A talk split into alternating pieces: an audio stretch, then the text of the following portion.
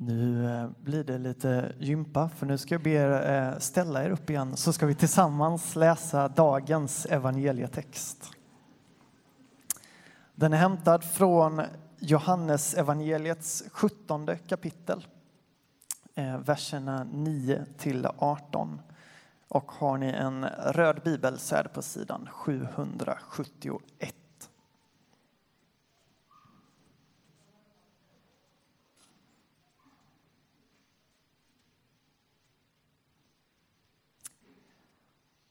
Johannes skriver. Jag ber för dem.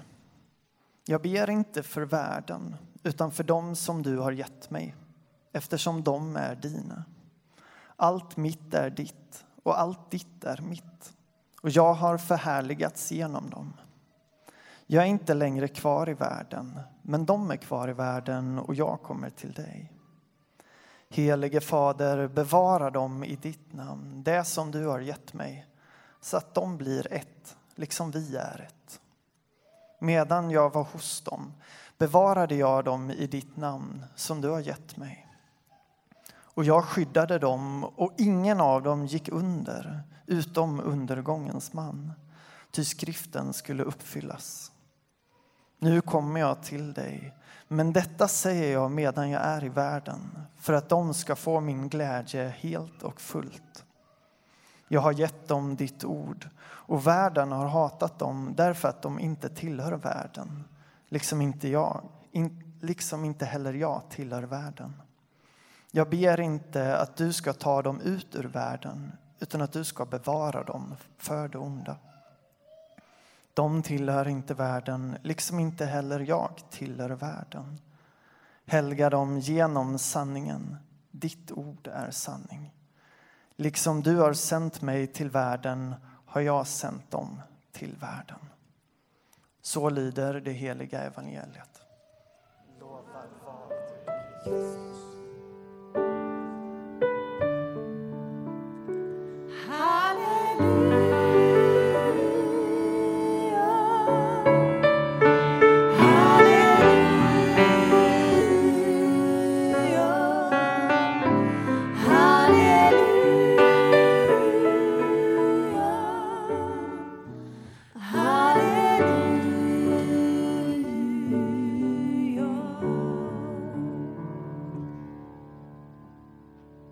Varsågoda och sitt. Ja, texten som vi hörde läsas är hämtat ur Jesu förbön. Och det är en text som så tydligt vänder sig till den kristna gemenskapen. Jesus skulle ju snart lämna dem. Hur skulle det bli nu? Vad skulle hända? Det är då Jesus ber för de sina, och han ber att de ska bli ett. Och det är tydligt att han vill liksom dra samman gemenskapen. Att han vill tajta till den. Och det är någonting som behövs när man sänds ut i världen in i alla typer av olika utmaningar. Så jag vill tala om gemenskap och mod den här söndagen. Och det är ju som sagt var den tredje söndagen som vi är på det här temat om att följa Jesus i en rädslans kultur. Det hände något fruktansvärt i Taizé-kommuniteten i södra Frankrike den 16 augusti 2005. Man hade en bönegudstjänst och bröderna böjde sina knän i tillbedjan. Och in kommer en knivbeväpnad kvinna och går fram till broder Roger som är kommunitetens förgrundsgestalt och liksom grundare och dödar honom mitt i gudstjänsten, mitt i tillbedjan. Och den chock som kommuniteten och alla vänner som fanns runt den här kommuniteten upplevde, den var ju fullständigt bottenlös. Och man funderade, hur ska vi göra framöver? Skulle man stänga in sig? Låta rädslan styra? Skulle man införa vakter? Skulle man ha metalldetektorer? Vad skulle man göra? Jo, man går tillbaka till det som var kommunitetens djupaste kallelse. Och det var någonting som man kallade att vara en gemenskapens liknelse. Alltså man ville med sina liv uttrycka en berättelse om någonting som var större och som var annorlunda än den rädslan som skapas i världen. Och man ville att öppenhet och inkludering skulle vara viktiga byggstenar. Så därför bestämmer man sig för det här radikala att som gemensam, gemenskap fortsätta att leva precis som man gjorde tidigare. Man vägrade styras av rädslan. Och det här kan man ju säga hur mycket som helst om. För det är ju en, en, en ruggigt radikal hållning. Eh, och svår, inte minst. Alltså vår värld, den är ju både vacker och skrämmande. Det finns så mycket destruktivt som vill liksom bryta ner. Så visst finns det många skäl att känna rädsla. Och i Jesu förbön för församlingen så säger han Jag ber inte att du ska ta dem ut ur världen utan att du ska bevara dem ifrån det onda. Världen är vår plats, vårt hem och det är här vi ska vara och fortsätta att göra gott. Ibland utmanas man som gemenskap av yttre omständigheter att fundera på vilken plats som rädslan ska få ha eller vilket utrymme vi ska tillåta modet att ha. Kanske finns det en hotbild. Eller kanske är det så att situationen kräver en någon slags rakryggad respons av något slag. Taizé, de valde sin väg byggd på sin djupaste kallelse som gemenskap. Man ville vara en, gemen, en, en gemenskapens liknelse. Och man vägrade att med automatik kliva in i den här världens gemensamma berättelse som många gånger präglas av fruktan, misstänksamhet och inte alla gånger på kärlek, tillit och hopp. Även om det också finns. Det är ju inte svart och vitt. Men valet som Taizé gjorde bottnade i deras kallelse som gemenskap. Och det är sant. Men det är också sant att alla inte måste göra likadant som Taizé. Vad är vår djupaste kallelse som gemenskap? Alltså vilken berättelse vill vi vara en del av som församling? Och vilket, vilken plats ska modet ha i den berättelsen? Och vad gör vi med rädslan som är en närvarande del av våra liv? Men för att den här berättelsen ska bli synlig så behöver vi bli ett kvalitativt vi. Och det kan man inte skapa på avstånd ifrån varandra. För att bli ett kvalitativt vi behöver vi gå nära varandra.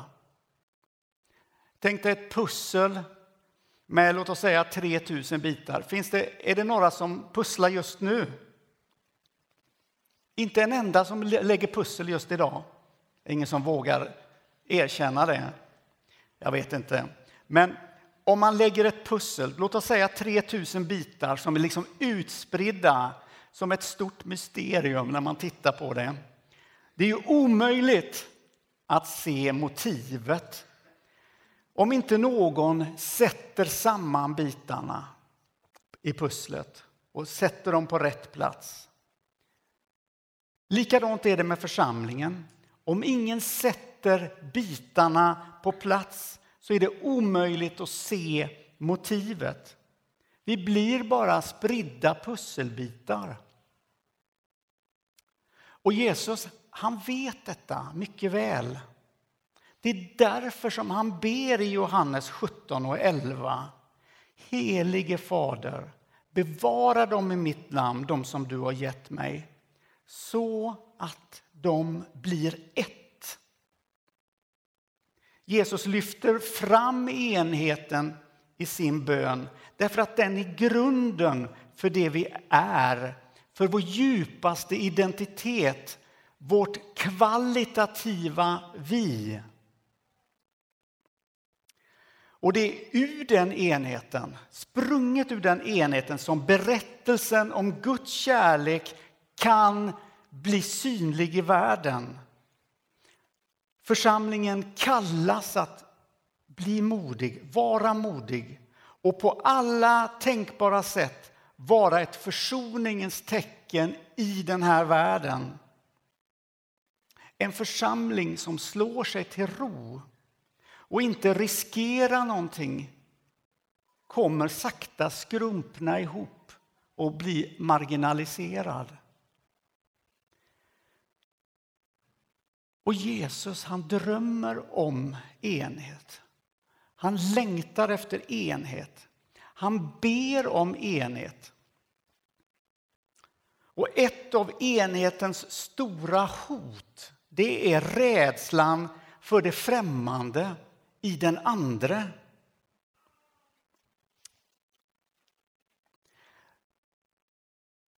Det är rädslan att inte bli accepterad. Rädslan att tänka annorlunda än normen. Men också den här förståeliga men förrädiska rädslan att komma nära andra människor. Det som Joel nämnde i sin inledning här. Kanske är jag rädd att bli sårad. Kanske håller jag mig på avstånd för att det gemensamma livet i församlingen utmanar mitt eget livsprojekt. Jag är rädd att jag ska förlora någonting om jag går djupare in i en gemenskap. Tänk om jag förlorar mitt oberoende, min egen pejl på min riktning. Vem blir jag då? Henry Nowen skriver att fruktan är den förtroliga när, närhetens värsta fiende. Så Gud behöver dra oss samman, tajta, och, tajta till oss som gemenskap för att vi ska kunna gestalta berättelsen om Guds kärlek. För att vi ska kunna gå in i det som är vår kallelse som församling. Så tänk om vi kan hjälpa varandra och skapa en kultur där vi lär av varandra och vara modiga. Där vi kan visa vår rädsla för varandra. För det kanske är det som är nästan det största modet av alla. Att visa sig sårbar. Tänk om vi kan visa vår rädsla för varandra. Våga tala sant om våra liv. Vara verkliga för varandra. Och i den andan av ärlighet gå ut i det som Gud kallar oss till. Tänk om någon skulle säga så här, men jag tycker det är läskigt och jag är rädd att släppa kontrollen och bli beroende av andra. Bra! Var modig och våga säga det. Eller jag, eller jag är faktiskt rädd att komma nära andra människor för jag vet precis hur det går. Det blir alltid rörigt och en massa tjabb. Bra! Var modig och säg det. Eller jag är rädd för nära gemenskap, för jag vet att församlingslivet kan käka upp en levande. Jag har sett andra bränna ut sig. Och det räcker kanske inte med det. Jag har också svårt att säga nej. Bra. Var modig och säg det. Det är okej okay att vara rädd och närma sig gemenskapen i en takt som man har täckning för.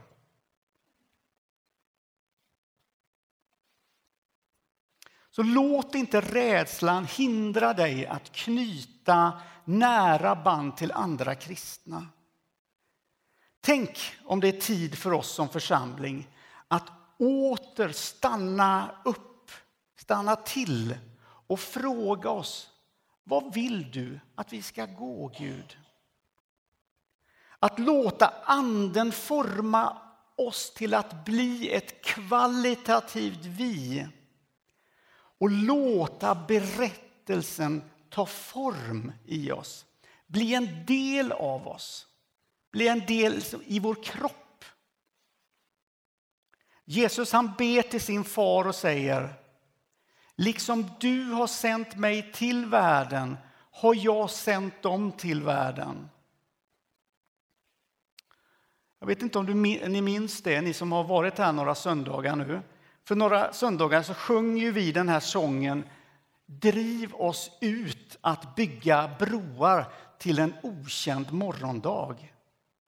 Om man tänker efter är ju det här en rätt och slätt en slags bön. Det är ju en fullständigt livsfarlig sång att sjunga. Att vi bara vågar sjunga det i bön. Driv oss ut att bygga broar till en okänd morgondag. Det är ju osäkert och finns ju mycket plats för rädsla där.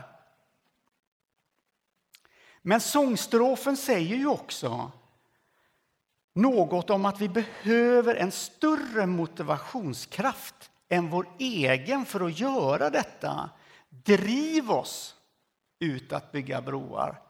Alltså det finns, en, det finns en, någon som vill motivera oss. Som vill hjälpa oss och som vill inspirera oss. Ge oss modet vi behöver för att bygga de här broarna till en okänd morgondag. Men det är inte i egen kraft som vi, som vi går in i den här berättelsen som väntar. Jesus han säger i Johannes 15 och 5. Om någon är kvar i mig och jag i honom så bär han rik frukt. Gemenskapens uppgift är ju att hjälpa varandra att bli kvar i Kristus. Det är gemenskapens uppgift. Även när vi är rädda och inte känner oss ett dugg, ett skvatt mog, eh, mogna, vad säger jag, eh, modiga. Jag har en sufflör. Tack Jennifer. Men vi gör det tillsammans i Kristus som en tajt gemenskap. Och vi får gå med honom som har sagt att jag ska gå med er. Vi får gå med honom från fruktan in i kärleken och från kärleken ut i modet. Det är det vi kallar det till. Så kom till gemenskapen. Ta ett litet steg framöver att närma dig andra kristna. Lev inte ute i tassemarkerna. Kom och var med och ta del av den berättelsen som världen väntar på att få höra. Amen.